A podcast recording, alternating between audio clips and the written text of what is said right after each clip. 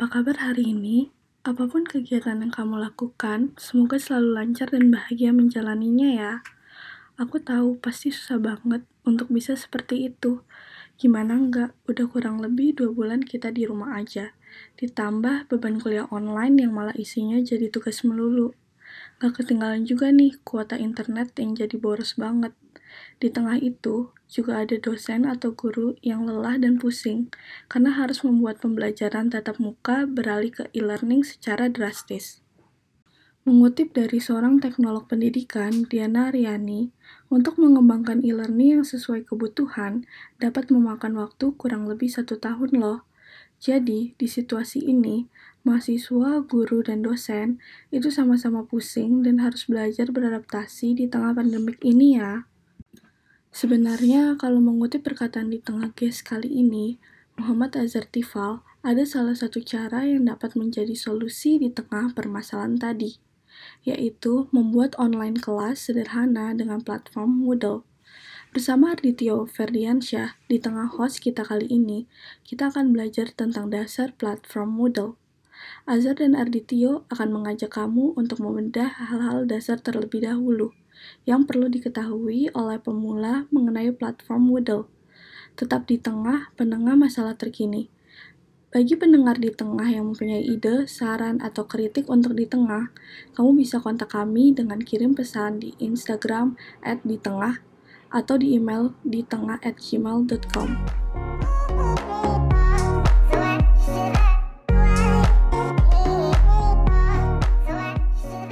Hai pendengar di tengah, kembali lagi bersama Ardito Ferdiansyah di tengah host kali ini. Hari ini kita kedatangan teknologi pendidikan Muhammad Ajar Tifal. Hai Jar, apa kabarnya? Halo Arditio, kabar baik. Apa kabar? Sehat nih, Alhamdulillah. Dan senang seperti biasa. Sedang sibuk kuliah online juga nih, dan menyiapkan berbagai keseruan untuk di tengah lainnya. Tambah seru ya nantinya. Semoga ya Jar, dibantu juga dengan memberikan solusi-solusi agar tidak kesel, pusing, dan lelah lagi ya. Iya, dicoba ya. Dan kita akan ngobrolin online kelas platform Moodle. Dan gue sendiri merasa hal ini sangat penting.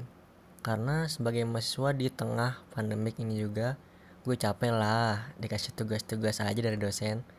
Padahal kalau kelas tatap muka kan ya gue dajarin dulu, dapat insight dulu. Dan banyak sekali cerita-cerita dari teman-teman yang bilang, gini Jar, aduh stres banget nih kuliah online gini. Dan harus beli kuota mulu karena semuanya via online. Menghadapi kondisi di rumah yang suka nggak kondusif. Apalagi tidur yang jadi nggak teratur. Atau yang ekstrovert biasanya udah ke mana-mana, ketemu orang-orang. Banyak banget faktornya. So, salah satu cara yang ingin kita tawarkan untuk para mahasiswa dan pendidik ini adalah kita coba menggunakan platform Moodle untuk kelas online lebih terstruktur.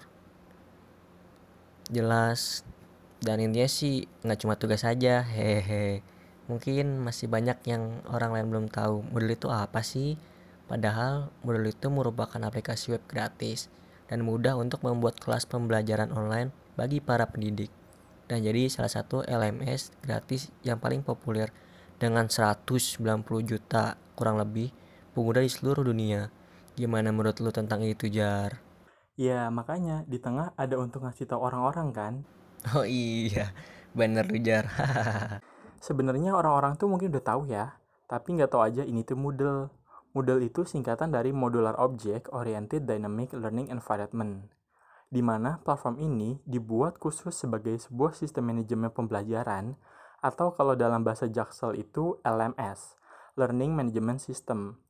LMS ini nge-provide learning performance, learning program and planning, learning recruitment juga.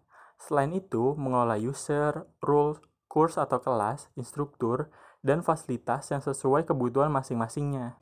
Terus juga ada kalender kelas yang nanti sebagai pengingat juga untuk masa didiknya.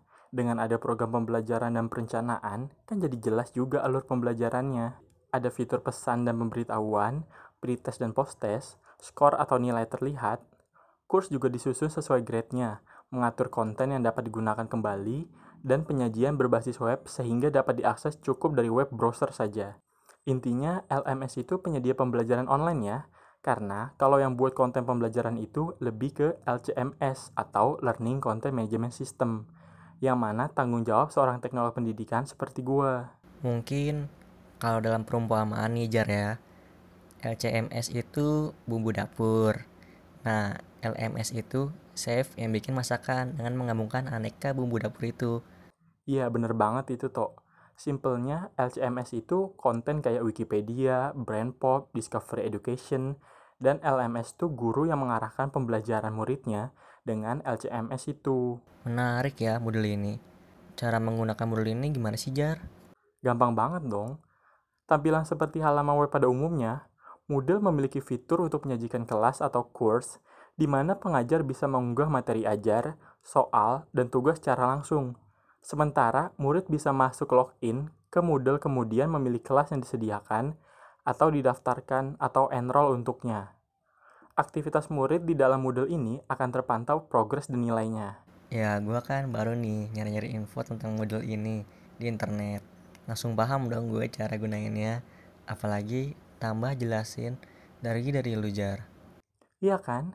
Soalnya udah banyak banget pengembang Moodle baik tutorial di YouTube atau di blog dan juga pluginnya. Jadi kalau masih ada bingung-bingung, ya tinggal cari aja di internet.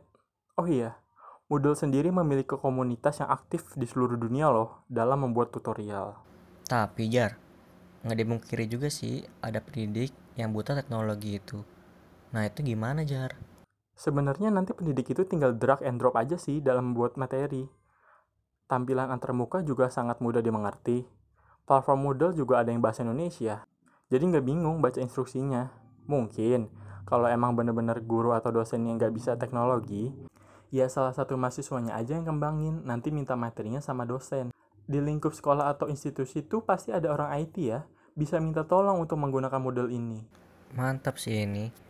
Jadi, model ini kan udah gratis. Nah, fitur-fiturnya juga menarik, mudah digunakan, fleksibel untuk kelas yang berisi beberapa orang saja hingga ribuan orang. Dan juga aman karena diupdate secara rutin. Jadi nggak perlu takut kehilangan materi atau pencurian data pribadi saat mengakses sistem, terintegrasi dengan halaman wiki, forum, hingga blog dengan mudah. Selain itu nih ya, udah di custom juga. Banyak pilihan tema yang bisa diunduh gratis juga. Tersedia sih ya kurang lebih 1600-an plugin, juga di model untuk kebutuhan administrasi, penilaian, komunikasi, dan sebagainya. Gak ketinggalan juga nih mobile friendly sekali karena dapat mengakses materi di mana dan akan terlihat sama meskipun diakses dari perangkat dan browser yang berbeda.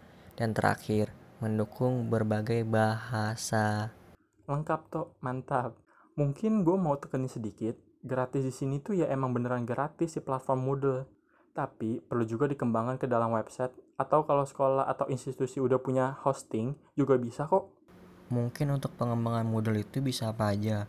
Pendengar di tengah dapat cek di internet yang mana Moodle tuh bisa dengan tiga cara ya Jar. Iya, bisa dengan hosting sendiri, pakai Moodle Cloud dan integrasi dengan WordPress. Kelihatannya Moodle itu perfect banget ya Jar. Tapi pasti ada dong kekurangannya. Ya bisa buat antisipasi kita-kita ini. Pasti ada kekurangan yang pertama, butuh pemahaman yang lebih tentang sistem yang ada pada Moodle, perlunya tenaga ahli yang bertugas sebagai administrator, dan memerlukan hardware yang lumayan bagus dan biaya yang sedikit mahal. Oke Jar, thank you ya untuk ngobrol-ngobrolnya. You're welcome, Tok. Sehat-sehat selalu ya Jar. Lo juga ya, Tok.